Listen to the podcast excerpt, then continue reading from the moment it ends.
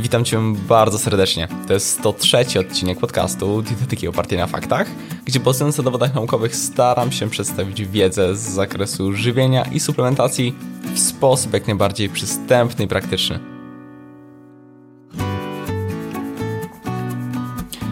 W ostatnich latach dieta roślinna lub niektóre jej odmiany, gdzie wprost ogranicza się konkretne produkty odzwierzęce, zyskuje na popularności. Ma to swoje zalety, ale również zagrożenia, jeśli nie mamy w tym zakresie wiedzy, m.in. w kontekście ryzyka niedoboru witaminy B12. O witaminie B12 warto co nieco wiedzieć. Nie tylko z uwagi na to, o czym wspomniałem, ale ogólnie rzecz biorąc jest trochę mitów na ten temat. Niektóre kwestie nie są intuicyjne, a problemy z odpowiednią podażą lub wchłanialnością wspomnianej witaminy może mieć więcej osób. O tym, co warto lub co trzeba wiedzieć w dzisiejszym odcinku. Zapraszam do materiału.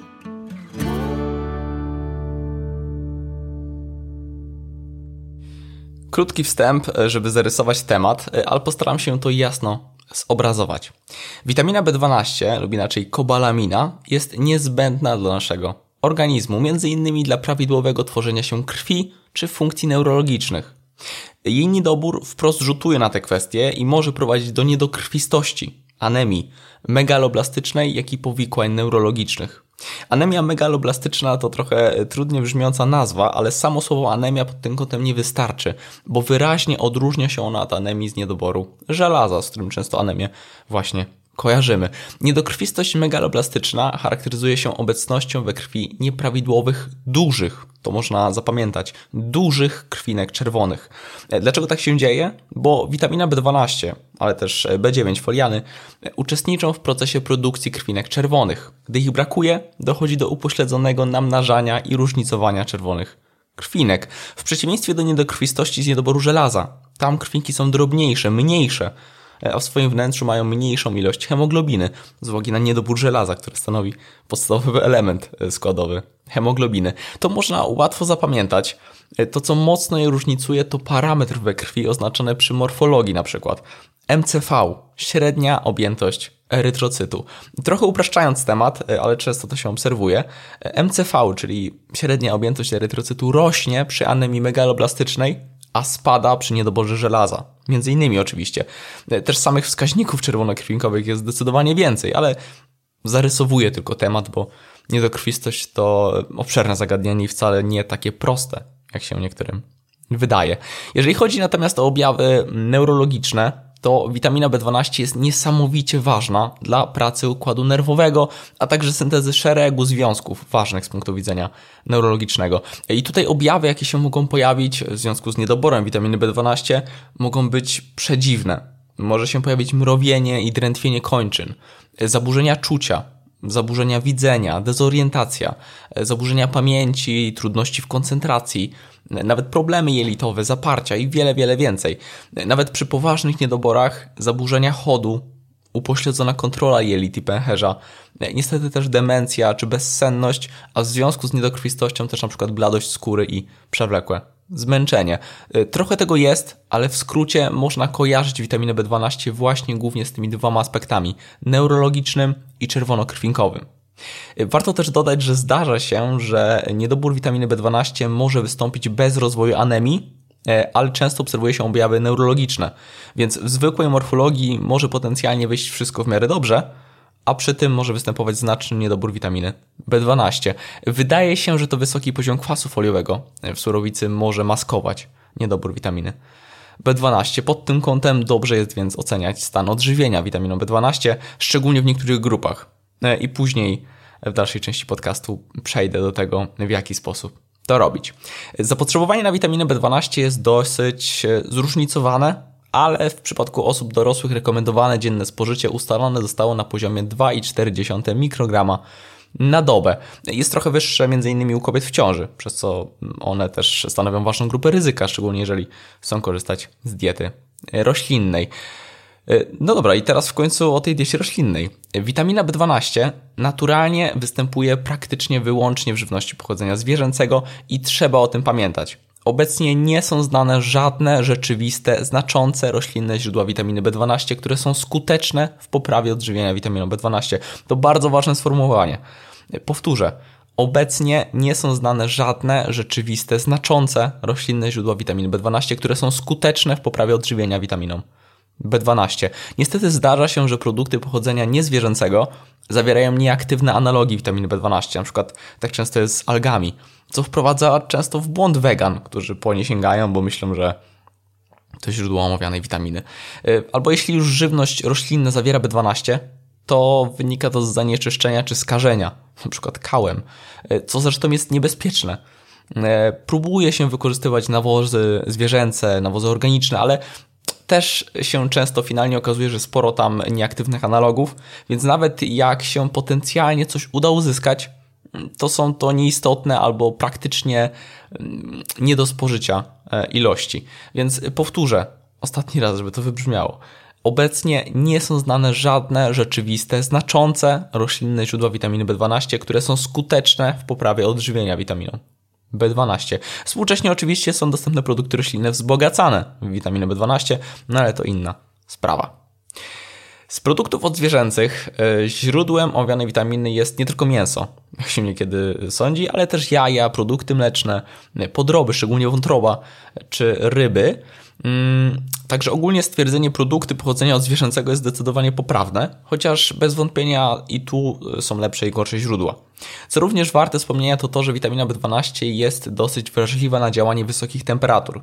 Jej straty w przypadku obróbki termicznej mogą sięgać nawet 50%. To oczywiście nie sprawia, że mamy jeść surowe niektóre produkty, ale zwyczajnie dobrze jest o tym wiedzieć. I teraz złożony temat, bo jeśli chodzi o wchłanianie kobalaminy, witaminy B12, to jest to wyjątkowo złożone w porównaniu do innych witamin i tym samym narażone na wiele problemów po drodze. Bo witamina B12 zawarta w pożywieniu, ogólnie rzecz biorąc, jest trudno przyswajalna. Dlatego organizm ludzki, chcąc dostarczyć ją do komórek, wykorzystuje trzy różne białka, mające ułatwić ten proces. Transkobalaminy, pierwsza i druga, oraz czynnik wewnętrzny, lub też inaczej czynnik Kasla. E, trudno o tym opowiadać, e, łatwiej trochę pokazać, zwracając uwagę na ślinianki, żołądek czy jelita, e, więc wspomnę tylko, że dopiero po połączeniu się z białkami witamina B12 jest aktywna biologicznie i może zostać wykorzystywana w komórkach. To ma znaczenie z perspektywy wspomnianych przed chwilą nieaktywnych analogów, które mogą wpływać na stężenie witaminy B12 we krwi, ale nie są wykorzystywane w komórkach. Nie łączą się z trzecim białkiem w erytrocytach, transkobalaminą drugą. Y, no dobrze. Mm, I teraz może właśnie o badaniu mm, poziomu witaminy B12. Generalnie można zbadać sam w sobie poziom witaminy B12 y, i to dość tanio, ale nie jest to idealny parametr, ponieważ powtórzę, niestety może wykrywać też nieaktywne analogi tej witaminy. W praktyce, jeśli ktoś spożywa sporo udziwnień, może nie udziwnień, yy, albo udziwnień, ale niekoniecznie mówię to w negatywnym sensie. Chodzi o spirulinę, różne algi, różne produkty roślinne deklarujące się jako zawierające witaminę B12 i tak dalej. To wtedy ocena e, tego parametru może być nierzetelna. Jeżeli ktoś jednak tego nie robi, to powinno wyjść dosyć wiarygodnie, ale mamy tych wskaźników więcej. E, czułym wskaźnikiem niedoboru jest stężenie e, kwasu metylomalonowego, w skrócie MMA, czy badanie poziomu holotranskobalaminy. E, podwyższone stężenie kwasu metylomalonowego e, bardzo często uważa się za jednoznaczny objaw niedoboru witaminy B12. E, niestety to są już droższe sprawy i nie każdy sobie może na to pozwolić, chociaż jeżeli mamy mocne podejrzenie niedoborów, to w mojej opinii warto je oznaczyć. Pomocnym wskaźnikiem jest także stężenie homocystainy i to akurat nie wychodzi aż tak drogo. Można ocenić przy okazji stężenia witaminy B12.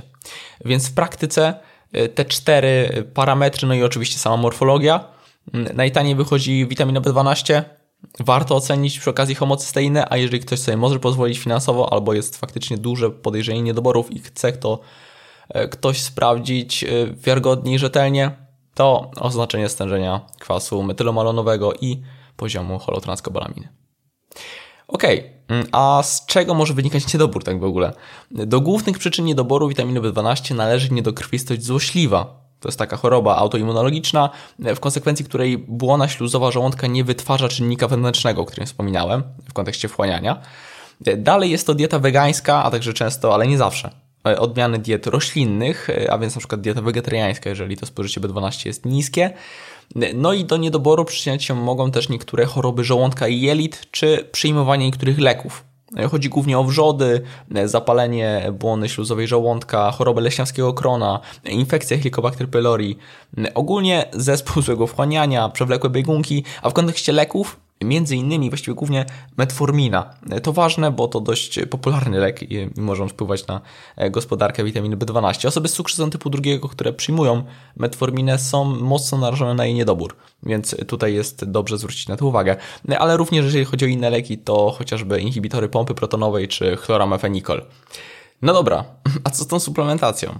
W przypadku osób na diecie roślinnej, co logiczne, konieczna jest suplementacja lub zapewnienie wiarygodnych źródeł z żywności fortyfikowanej.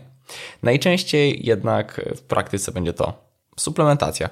Ze względu na stosunkowo dobre wchłanianie, trwałość i odporność na temperaturę, często rekomendowaną formą witaminy B12 w postaci suplementu jest cyjanokobalamina. Oczywiście form jest więcej i potencjalnie można z nich korzystać, ale jeżeli ktoś chce ode mnie konkretów, to proponuję cyjanokobalaminę. Co do dawki, istnieją różne zalecenia, głównie w zależności od częstotliwości przyjmowania. Dlaczego? Bo wchłanialność e, przy większych dawkach jest inna. Dlaczego? E, w skrócie, przy spożyciu witaminy B12 z żywności w niskich dawkach korzystamy głównie z aktywnego transportu mocno ograniczonego pod kątem jednorazowej dawki, gdzie konieczna jest obecność wspomnianego już czynnika wewnętrznego w żołądku. Ale jest wyjątek, bo mamy też dyfuzję bierną, gdzie biodostępność wynosi około 1%, a więc przy suplementacji przyjmowanej rzadko, to dawka jednorazowa musi być dość duża, żeby zapewnić odpowiednią porcję. W praktyce sugeruje się przyjmowanie cyjanokobalaminy w dawce 1 do 2 mikrogramów dwa razy dziennie, 25 do 100 mikrogramów raz dziennie lub 1000 mikrogramów 2-3 razy w tygodniu. W przypadku innych form zalecane spożycie może być inne. E, moim zdaniem dobrym wyborem będzie 100 mikrogramów raz dziennie i tak też polecam jako stała suplementacja. W razie ryzyka niedoborów, na przykład przy ograniczaniu, ale nie eliminacji całkowitej e, spożycia produktów odzwierzęcych, suplementacja nie jest konieczna, e, ale warto wówczas monitorować stan odżywienia witaminą B12, by w razie niedoborów podjąć interwencję, ewentualnie też korzystać z większej ilości produktów fortyfikowanych w witaminę B12. E, też oczywiście mamy swoje zapasy Sugeruje się, że wątroba przy odpowiednim odżywieniu oczywiście ma zapasy witaminy B12 na kilka miesięcy, więc e, przy przejściu na dietę roślinną e, i bez suplementacji i bez produktów fortyfikowanych e, objawów niedoboru nie odczujemy od razu, ale zdecydowanie rekomenduje się suplementację od razu po rozpoczęciu takiej diety. Zbliżając się do końca, przypomnę, że wydałem e-booka, a właściwie e-booki praktyczny przewodnik po witaminach i praktyczny przewodnik po składnikach mineralnych.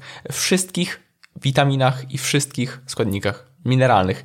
Nawet e-bookiem o witaminach wspomagałem się teraz w przygotowywaniu tego odcinka. W każdym są praktyczne przykłady, kwestie interakcji, potrzeby suplementacji i wiele więcej. Z kodem podcast pisane przez C zgarnąć można e-booka. Tani. Link zostawiam w opisie. A no i w sumie nie wspomniałem jeszcze, Tutaj widzę, że jeżeli chodzi o nadmiar, to nie ma dowodów na negatywne skutki związane z nadmiernym spożyciem witaminy B12 z pożywienia lub suplementów u zdrowych osób. W momencie przekroczenia zdolności wiązania kobalamin e, we krwi, jej nadmiar jest wydalany po prostu z moczem. E, chociaż warto wspomnieć, że suplementacja B12 może negatywnie wpływać na zmiany trądzikowe. Zdarza się, że e, duże dawki przyjmowane w postaci suplementu diety nasilają ten problem u niektórych osób. No dobra, mam nadzieję, że ten odcinek okazał się wartościowy. To już tyle ode mnie. Do zobaczenia, do usłyszenia już niebawem. Hej!